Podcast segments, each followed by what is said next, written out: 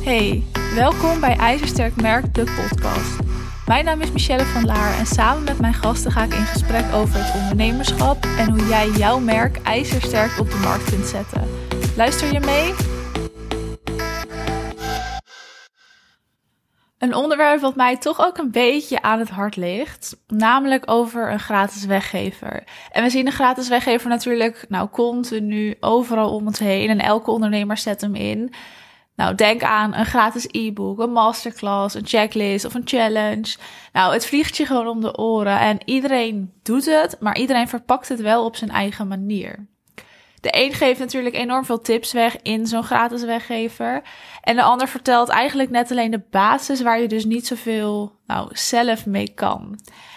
En ik hoor wel eens de opmerking over dat dan een gratis weggever niet meer werkt. Nou, wat vind ik daarvan? Daar ga ik je zo in meenemen. Maar eerst nog één keer met een gratis weggever wat ik daarmee bedoel. Ik bedoel daar dus echt mee een gratis e-book, een gratis masterclass of een gratis webinar. Dat is natuurlijk hetzelfde. Een challenge die je tegenwoordig ook heel veel voorbij ziet komen. Nou, een gratis checklist. Gewoon iets wat je gratis kunt volgen of kunt downloaden. Een gratis training heb ik zelf ook gedaan. Alles wat dus gratis wordt weggegeven. Ik ben het aan de ene kant dus wel eens met de opmerking: een gratis weggever werkt niet meer.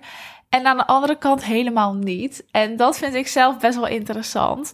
In deze aflevering ga ik je in ieder geval even uitleggen waarom ik het er wel en waarom ik het er juist niet mee eens ben. En ik zal je natuurlijk vertellen hoe je zoiets dan nou wel kunt inzetten of hoe je het misschien niet moet inzetten.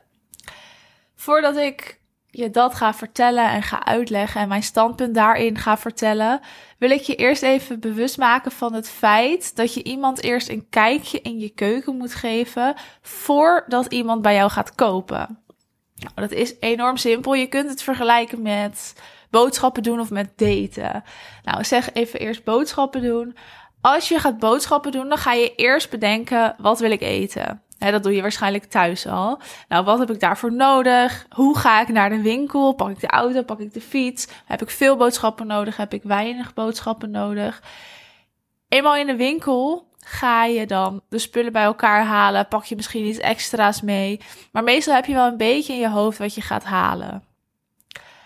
Je gaat niet naar zomaar een winkel die je niet kent. Je pakt doet een blinddoek op, stapt de winkel in en pakt alles nou, wat je voelt en wat je kan pakken. Het zou misschien wel een leuk experiment zijn om het een keer te proberen. Maar dan heb je waarschijnlijk niet wat je nodig hebt en kom je thuis of met spullen waar je niks mee kan. Moet je wel lekker creatief zijn om een maaltijd te maken. Maar het is niet heel praktisch. Nou, ik zei al, hetzelfde met daten als je gaat daten, dan zie je natuurlijk bijvoorbeeld eerst iemands profiel. Of je kent iemand via via. Of nou, je bent iemand tegengekomen op Instagram. Uh, ik heb al een een vriend, dus hoe gaat dat tegenwoordig? Maar uh, je snapt me wel. Vanuit daar ga je dus met iemand kletsen. Ga je whatsappen. Spreek je een keertje af. Nou, dan voel je, klikt het of klikt het niet. Klikt het wel, spreek je nog een keertje af. En zo ga je verder elkaar leren kennen. Je geeft elkaar dus een kijkje in elkaars keuken. Je gaat niet, nou, als je iemand tegenkomt, meteen zeggen: hey, zullen wij een relatie aangaan? Als iemand dat tegen jou zou zeggen, dan zou je iemand of nou, uitlachen in zijn gezicht. Of je zou denken dat het een grap is. Je zou diegene in ieder geval niet serieus nemen. En misschien ben je wel een beetje geïrriteerd of vind je het respectloos. Je doet dat niet. Nou, deze twee voorbeelden, die geven dus eigenlijk heel veel duidelijkheid. En die maken dus ook heel erg duidelijk dat jij jouw potentiële klant nou een kijkje in je keuken moet geven voordat iemand over kan gaan tot aankoop. Want als iemand overgaat tot aankoop, dan gaat diegene op een bepaalde manier ook een relatie aan met jou. En natuurlijk geen liefdesrelatie, zoals bij daten, maar wel echt een relatie op een ander vlak. Een vriendschapsrelatie ga je ook niet zomaar uit het niets aan. Dat doe je ook omdat je iemand leert kennen, weet hoe iemand is. Je vertrouwt iemand, je weet waar je aan begint en je weet wat je te wachten staat. Je zal dus wel waarde moeten weggeven om, nou, te verkopen. Want iemand moet die relatie met jou aangaan. En dat doet iemand pas als iemand jou al beter kent en het niet te oppervlakkig is. Nou, dat lijkt me duidelijk met de voorbeelden die ik natuurlijk ook net heb gegeven. Het is dus absoluut niet erg om waarde weg te, uh, weg te geven. Want ik hoor best wel vaak, ja, maar geef ik dan niet te veel waarde weg? En tuurlijk, te veel, dat is nooit goed. En ik ben van mening dat je wel te veel waarde weg kan geven.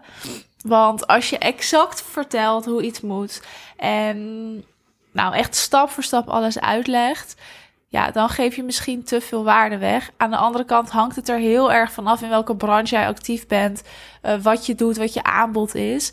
Bij mij, ik ben coach, dus ik coach jou door je contentstrategie heen, zodat je zelf leert hoe dat werkt. Ik kan jou wel stap voor stap uitleggen hoe het werkt, maar dan heb jij niet mij als coach daarbij en dan mis je zo'n groot onderdeel dat het bij mij niet zo erg is als ik te veel waarde weggeef. Uh, maar bij sommige branches is dat dus wel erg, althans gewoon niet zo handig. Oké, nu je dit natuurlijk weet en nu ik je hier even bewust van heb gemaakt, dat vond ik belangrijk voordat we verder gingen naar de uitspraak: een gratis weggever werkt niet meer. Gaan we verder. Ik vind namelijk aan de ene kant dat het klopt. Een gratis weggever werkt niet meer. Er zijn gewoon enorm veel gratis weggevers. Ondernemers bieden ze continu aan. En nou, ik download ze ook wel eens, net als jij waarschijnlijk. En nou, denk even wanneer jij voor het laatst, of misschien uh, de laatste aantal keren, een gratis weggever hebt gedownload. Wat was dat en wat heb je daaruit gehaald? Wat mij vaak opvalt, is dat zo'n weggever dus niet zoveel zegt. Eigenlijk is die vaak te algemeen en nou, te oppervlakkig noem ik ook wel eens. Ik vind het een beetje een naar woord, maar dat mogen we best zeggen. Heel veel weggevers zijn te algemeen en te oppervlakkig. Vervolgens, als ik zo'n weggever dan gedownload of gevolgd heb, word ik niet goed opgevolgd na die weggever, waardoor ik sowieso niet geïnteresseerd raak in het aanbod. Want hoe je het ook wendt of keert, uiteindelijk wil je naar aanleiding van zo'n gratis weggever wel iets verkopen. Er zit altijd een idee achter. En dat is niet altijd goed uitgevoerd. Dat werkt ook niet altijd. Maar er zit wel een idee achter wat je wil verkopen. Als je mensen dus niet goed opvolgt, als je weggever te oppervlakkig is of niet aansluit, dan werkt een weggever niet. Dus dan ben ik 100% eens met deze uitspraak. Een fout die ik ook best wel vaak zie, of iets wat gewoon een beetje misgaat, is dat een weggever niet goed aansluit bij het aanbod wat je wil verkopen. Dus wat ik net al zei, dat het niet goed aansluit. Want ja, je maakt een weggever nogmaals gewoon om te verkopen. Ik moest heel even nadenken hoor. Maar het onderwerp en de inhoud van die weggever, die zijn echt extreem belangrijk. Dat moet echt passen bij jouw ideale klant, maar ook bij jouw bedrijf en bij hetgeen wat je daarna wil verkopen. Als het niet goed genoeg aansluit, dan koopt iemand niet omdat de stap niet logisch is. Dus jij moet die stap om te kopen zo simpel mogelijk maken. En ik zeg altijd, die drempel is nu nog hoog. En jij moet die drempel zo laag mogelijk maken als kan. Soms maakt jouw potentiële klant die drempel hoog of te hoog. Maar het is aan jou om die drempel zo laag mogelijk te maken. Een weggever werkt dus niet als het niet goed aansluit. Maar een weggever werkt ook niet als je niemand opsla opsluit, opvolgt als iemand die weggever gedownload of gevolgd heeft. En ja, dan zoek je dus geen contact meer met die mensen. En dat is vet zonde. Of je e-mailt ze niet meer. En het is natuurlijk een beetje cliché hè, dat je ze daarna nog moet e-mailen en zo. Maar dat is wel echt nodig. En dat is wel gewoon een beetje hoe het werkt. Mensen vergeten nou eenmaal dingen heel snel. We kunnen niet zoveel prikkels aan. Daar heb ik natuurlijk laatst een podcast over gemaakt. En onze hersenen slaan maar bepaalde belangrijke dingen op. En die weggever is vaak niet onderdeel daarvan. Dus je moet mensen eraan herinneren dat ze bijvoorbeeld jouw weggever hebben gedownload. Of stel ze een vraag, stuur ze een berichtje. Hey, heb je al de weggever gevolgd, gelezen of geluisterd? Of nou, wat je dan ook aanbiedt. En dan is jouw weggever, waar je natuurlijk zoveel tijd en energie aan hebt besteed en ingestoken, in één keer helemaal niks meer waard. omdat er geen resultaat uitkomt en omdat mensen er gewoon niks mee doen. En dat moet je voorkomen, want dat is zonde. Wat je dus moet doen, is nogmaals mensen opvolgen, mensen herinneren aan het feit dat ze überhaupt die weggever hebben gedownload. En die mensen ook vragen stellen, zodat ze nou elke keer weer getriggerd worden. Natuurlijk niet tot irritant toe, hè, want we hebben het nu over de e-mail gehad. Ja, e-mail werkt, maar je moet niet als irritant beschouwd worden. En daar zit het een beetje in. Je kan mensen opvolgen, maar je gaat natuurlijk niet 100 mails sturen dat het gewoon echt vervelend wordt. Want dan schrijven mensen zich uit en dan is het gewoon klaar. Daarnaast is het zo dat je mensen alleen mag opvolgen uh, waarvoor ze iets hebben gedownload. Dus jij mag die mensen wel opvolgen omdat ze jouw weggever hebben gedownload. Want dat heeft betrekking tot die weggever. Dus dat mag. Maar je mag ze niet op je wekelijkse nieuwsbrief zetten. Er is vaak nogal verwarring daarover. Want mensen denken, omdat dat zo vaak wordt gezegd dat het niet mag, dat ze dus ook mensen niet zomaar mogen opvolgen. Maar je mag mailtjes sturen met betrekking tot wat ze hebben gedownload, maar niet zomaar ze dus ook op een nieuwsbrieflijst zetten. Nou, ik denk dat ik het al samen heb gevat over waarom ik het eens ben met een gratis weggever werkt niet meer. Dat is omdat mensen, of ondernemers eigenlijk, die weggevers gewoon inzetten zonder daar goed over na te denken. En het is gewoon zonde van je energie en van je tijd. En je verpest een beetje je strategie daarmee. Omdat mensen het wel downloaden, maar eigenlijk niet zo snappen wat ze er nog meer mee moeten. Denk dus echt wel na als je zoiets gaat inzetten. Maar laat je ook absoluut niet uit het veld slaan. Want ik ben het dus, nou, ook eens met de uitspraak: een gratis weggever werkt nog wel. Omdat een gratis weggever wel werkt als je weet wat je doet als je het nou, laat aansluiten bij je aanbod. Als je het echt meeneemt in je strategie, dan werkt een weggever wel.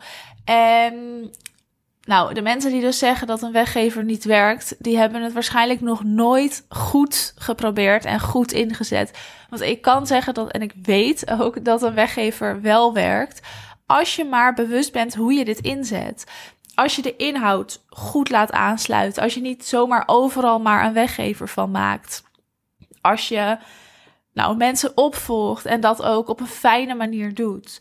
Ik geef regelmatig een masterclass, nu een tijdje niet meer. Uh, binnenkort komt er wel eentje aan. Die wordt heel exclusief, super veel zin in. Uh, mocht je daar willen bij zijn, hou mijn Instagram dan in de gaten. En ik weet dat ik vanuit mijn masterclass mensen heel veel fijne informatie kan geven en echt een band met mensen kan opbouwen. En dat die gratis weggever dus werkt. Ik verkoop daar niet altijd vet veel mee, maar het is wel zo dat mensen worden opgewarmd. En dat ik dan een tijdje later alsnog een berichtje krijg dat mensen willen samenwerken of willen kennismaken. Dus je plaatst wel zaadjes in iemands hoofd. Daarnaast werkt een e-book, kan ook goed werken. Een e-book moet wel echt inhoudelijk heel sterk zijn kun je bijvoorbeeld ook aanbieden als luisterboek, zodat mensen de optie hebben om het ook te luisteren, omdat ja, we lezen gewoon niet meer zo vaak die e-books helemaal af. En dan moet je iemand vet goed opvolgen met een mail, wat echt heel goed mogelijk is. Maar je moet wel weten hoe. Er moet goed over nagedacht worden. Het moet passen bij jouw bedrijf, passen in je strategie. En dan werkt het wel. Dus vandaar dat ik het wel en niet eens ben met de uitspraak: een weggever werkt niet meer. Er zitten echt twee kanten aan. En nogmaals, de mensen uh, hebben een weggever gewoon nog nooit echt goed ingezet. Dat zijn mensen die dus zeggen: een weggever werkt niet meer. Want die zien ook geen resultaat, omdat ze het niet goed hebben gedaan en niet weten hoe ze het moeten aanpakken. Zolang je het maar bewust doet, vind ik het dus helemaal oké dat je die weggever gaat inzetten. Doe het als je weet wat je doet. Maar doe het niet als je niet weet wat je doet. Zoek dan hulp, want het is gewoon zonde van je tijd en van je energie. En dat wil ik je echt besparen. Ik hoop dat je wat aan deze podcast had. Ik ben ook enorm benieuwd wat jouw ervaringen zijn met weggevers. Heb je het zelf ingezet? Heb je misschien wel eens wat gedownload waarvan je denkt, hm, wat moet ik hier nou mee? Laat het me vooral weten. Je hebt deze aflevering helemaal afgeluisterd. Vond jij deze aflevering ook te gek? Vergeet dan niet te abonneren op de podcast en laat vooral even weten dat je geluisterd hebt. Tot de volgende keer.